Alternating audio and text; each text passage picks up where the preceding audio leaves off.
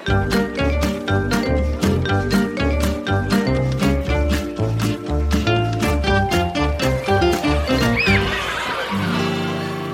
det noen som skal kjøre en podkast for eh, barnehage, skole og utdanning, så er det jo Utdanningsforbundet. Ja, og vi tenker at vi skal ha de beste diskusjonene med de beste ekspertene om alt som dreier seg om utdanningsfeltet.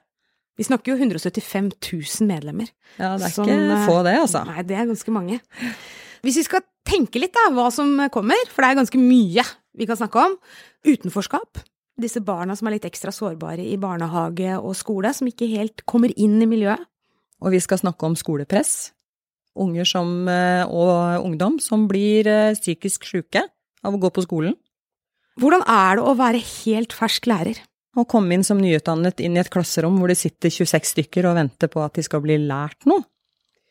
Hvordan eh, kan man styrke sosial jobbing i barnehagene? Mobbing i barnehagen? Hvordan skal man oppdage og jobbe med det? Så, så må vi jo også ikke bare snakke om problemer, da. Man kan jo også snakke om gleden ved læreryrket. Ja, og gleden ved å lære.